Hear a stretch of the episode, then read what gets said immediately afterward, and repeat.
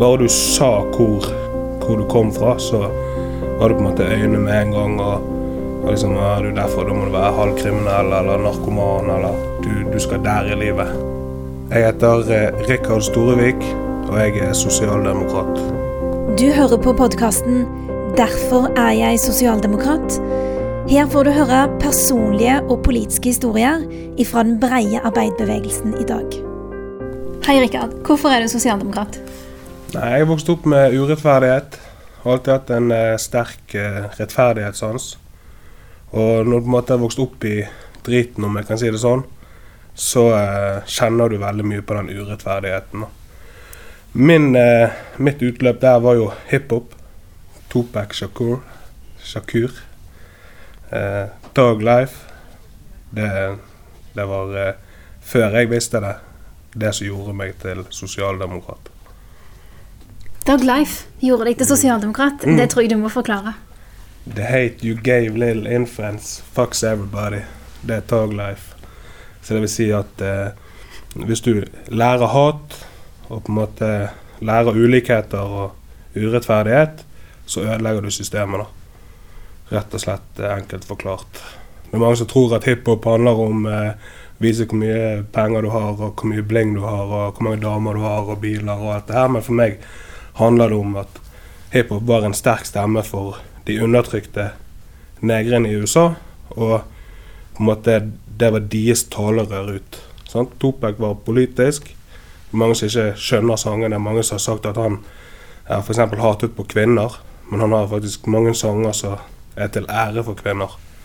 Og ja, han, han var sterk stemme. Det var kanskje derfor han ikke var så godt likt eh, over vannet der òg, da. Men var det sånn det var for deg da du vokste opp, at det var mye hat og mye drit? Ja, det var det. Jeg husker veldig godt at bare du sa hvor, hvor du kom fra, så var det på en måte øynene med en gang. Og, og liksom, ja, du er derfor da må du være halvkriminell eller narkoman eller du, du skal der i livet. Sant? Så mye forhåndsdømming og mye sånn, det er absolutt. Absolutt. Da ble jeg veldig nysgjerrig på hvor var det du kom fra? Hva var det som gjorde at folk eh, liksom reagerte sånn? Jeg er født og oppvokst i, i Chicago. Vi kalte det Chicago. Det er Sletten, sletten i Bergen. Så det, det, det var harde, harde tider. Og nå er det blitt veldig bra. Sant? Creds til Bybanen i byen. Eh, for det, den har gjort at måte, Sletten har fått et helt nytt liv. Sant? Studenter og gode blokker. Et senter har vi fått der. Jeg husker det, jeg var ikke der. Mens jeg vokste opp, så var det der du puttet sosialklienter og innvandrere og alt inn i en sånn et lite vakuum på utsiden av byen så ingen så oss. sant? Og da fikk du masse kriminalitet. Jeg husker folk reiste land og strand for å gi oss juling og sånn. Så det, det, det var vittig. Jeg vokste opp med mye sånt. Så det mange som trodde at en på en måte ikke skulle komme seg ut av det heller, men så gjorde man det fordi at ja, Blant annet min mor. sant? Jeg skylder hun alt det her livet. Hun satte seg i gjeld for å få meg gjennom en privatskole. Så jeg ikke havnet i det offentlige. For den offentlige skolen det var jo fullt av de som Jeg var med etterskolen, sant? og det ville ikke hun at jeg skulle være så mye med de. Hun innså hun kunne ikke stoppe det, men hun kunne kontrollere det. sant? Det er jo et slags paradoks, kanskje, at det var en privat skole som redda deg. Ja, Det er jo ikke noe som sosialdemokrat generelt eh, Nei.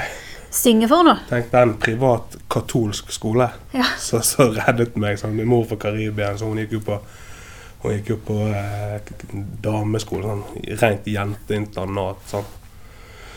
Så, så hun var veldig bestemt på at vi skulle gå der.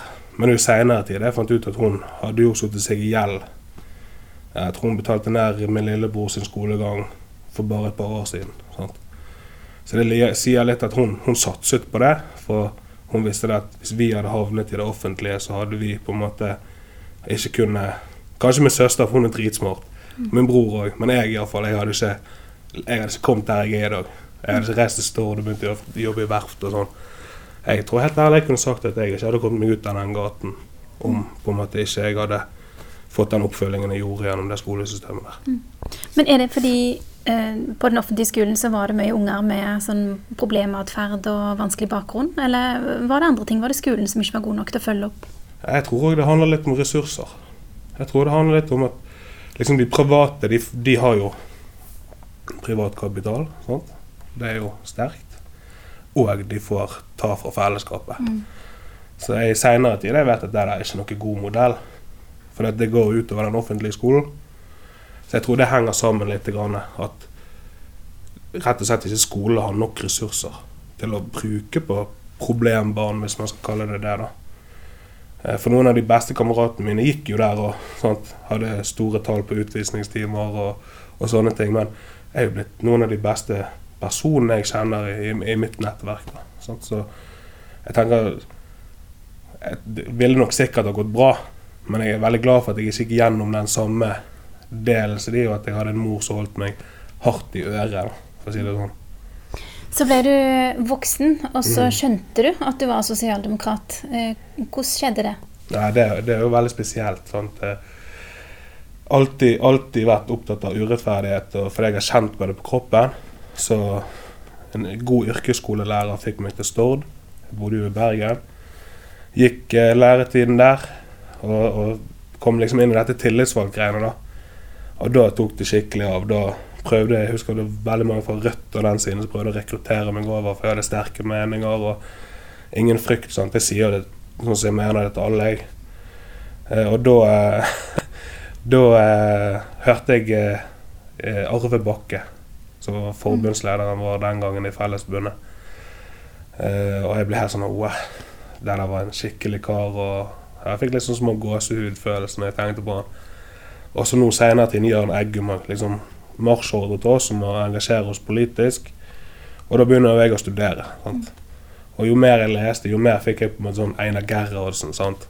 Kjærlighet for det. og Kolberg. Sant? Altså, mm. Herregud, det er jo helt utrolige mennesker. Og så mitt første gang i mitt liv ble et starstruck av en live person når jeg traff på landsmøtet vårt nå i, i høst. Torbjørn Berntsen. Sant? Mm. Arbeidsmiljølovens far der. Altså, det er jo altså, Det går ikke an å ikke like de her folkene her. Så det, det er bare bekreftet at jeg kan jo sant? Jeg hadde meg en liten nå på vårparten, inn og ut. Eh, men det er jo ingen andre steder for meg enn sosialdemokratiet. For det er et trøblete kjærlighetsforhold du har hatt til sosialdemokratiet. Du har aktivt meldt deg ut, eh, og du har aktivt meldt deg inn igjen. Så hva var greia med det?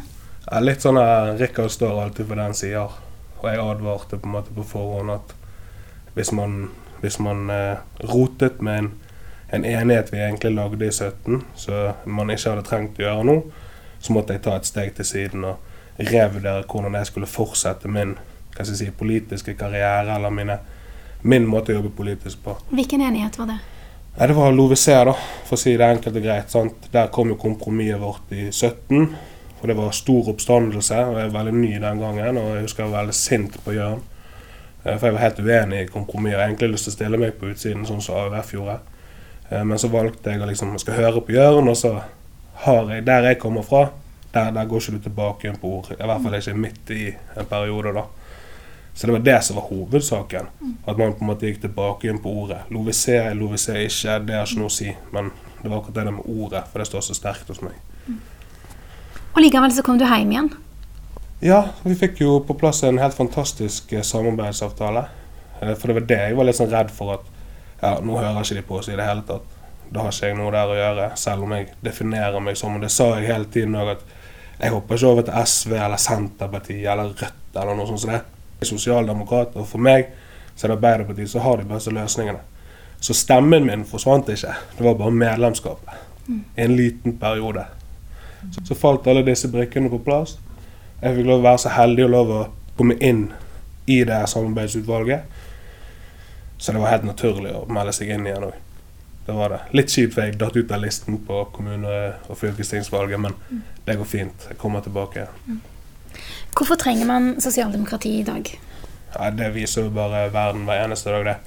Et kaldere samfunn, høyreekstremisme på frammarsj. Det, det, er liksom Det er så mye urettferdighet. Nå har vi hatt dessverre snart åtte år med ja, en veldig urettferdig form å styre et land på. da. Eh, så jeg sier hvis, hvis man ikke nå snart innser at uten et sterkt Arbeiderparti så får man endret en drit, da mister jeg tiltro til de andre, rett og slett. For jeg merker at det er noen som er opptatt av å hogge på oss, for å si det sånn, enn liksom strekke ut en hånd og, og samarbeide for å fjerne problemet. Hvem tenker du på da? SV, Rødt, typisk Senterpartiet òg. De skal jo liksom være på vår side. Her skal vi stå hånd i hånd. og Jeg lærte denne sangen 'Ta hverandre i hånd og hold'. Sant? Altså, jeg føler ikke at de, de, er mer. Jeg hørte Jonas på landsmøtet vårt òg. Han var veldig opptatt av at la oss legge ned denne stridsøksen og samarbeide nå. Sant? Likevel så leser jeg nesten hver dag i media Arbeiderpartiet var ikke med på det. Mm. Jonas mente det, Hadia mente det. sant? Istedenfor å si sånn OK, snakk med de da, og så angrip de som sitter og styrer. For uansett om Arbeiderpartiet styrer eller ikke, så er det de som blir hogd på. Mm. Og så skal vi være så greie. Sånn. Skal vi slutte å være greie med de andre på venstresida, er det det du sier? Altså, jeg eh, er vant med bokseringen. Og noen ganger så Det visste du Mohammed Ali, at noen ganger så må du ta imot og vente og lade opp. Men hvis du venter for lenge, så går du i knestående. Og det er der jeg tror vi er litt nå. At vi snart nødt til å reise oss og ta den ene på haken, men skal gi tid tilbake. Men hvis vi driver og liksom hamler opp med de andre på venstresida, kaster vi ikke da vekk kreftene som vi egentlig skal bruke på å ta høyresida? Som jo er det virkelige problemet, som gjør at forskjellene i samfunnet vårt øker. Jo, det er jo det som er baksiden av medaljen. Det er det jeg er redd for òg. Og det er derfor jeg alltid har sagt sånn her Jo, men vi trenger ikke hogge på de så mye og sånn. men et sted går grensen. da, sant? Noen må jo på en måte si nå er nok nok. Slutt å hampe oss. For akkurat det som du spurte meg, meg om nå, håper jeg at de spør seg sjøl om òg. Ikke det på tide nå å slutte å hamre på Arbeiderpartiet for alt. Sant? Altså, hvis noen knuser et vindu i gaten, så er det Arbeiderpartiet sin feil. nesten. Det er jo nesten på det nivået. ikke det nå på tide at Rødt og SV, Senterpartiet, alle disse her ligger ned den der stridsøksen og faktisk fjerne de som styrer. Det er det jeg vil. Sant? Det er det jeg alltid hadde lyst til. Og så kan vi heller stjele fra hverandre etterpå. Sant? Helt OK, det. En, en fair fight er jeg alltid for. Hva burde vi som er eh, sosialdemokrater i dag, hva burde vi gjøre annerledes? Det er et vanskelig spørsmål, men jeg, jeg, jeg, jeg er litt på den der slutte å være så snill.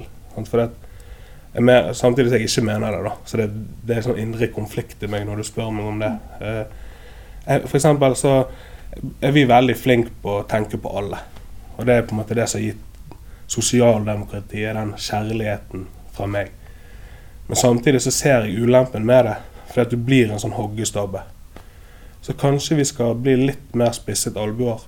Bli litt mer eh, hake opp og Sånn som en gammel trener sa til meg en gang. Slutt Slutt å være på hæle, Rikard. Vær på tærne. Sant? Vær på, vær gå fram. Og liksom ban deg vei, da. Og hvorfor er det bra for Norge at uh, Arbeiderpartiet jobber mer på den måten der? Nei, for det, uh, skal du få til endringer i, i arbeidslivet eller i, generelt i, i nasjonen, da, så har Arbeiderpartiet vist at det er de som har som oftest nøkkel. Sammen gjerne med andre også. Det er derfor jeg sier samarbeid er viktig. Men sant, vi skal gjennom en grønn omstilling nå.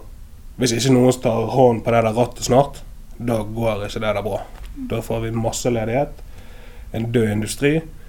Og det er det hullet jeg er redd for. Jeg tror vi kan etablere en industri på sikt. Men hvis det går et tiår eller en generasjon fra vi stopper med industrien til vi skal begynne med noe nytt, da kommer ikke vi til å klare å konkurrere internasjonalt. Så derfor mener jeg at eh, for neste valg så jeg tar det som en selvfølge at Arbeiderpartiet sitter med makten, gjerne med et par andre. Eh, fordi at eh, den omstillingen er i gang nå. Og mitt problem med den omstillingen er at det er ingen som har kontroll. Sant? Regjeringen tror på fri markedsliberalisme. Markedet fikser seg sjøl.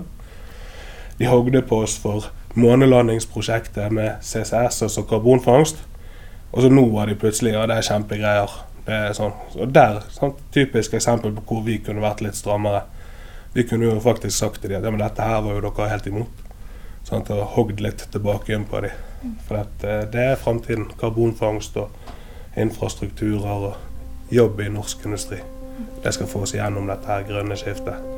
Nå må vi ha en rød-grønn regjering, ikke en hva skal jeg si, isblå. Tusen takk. Det var Rikard Storvik.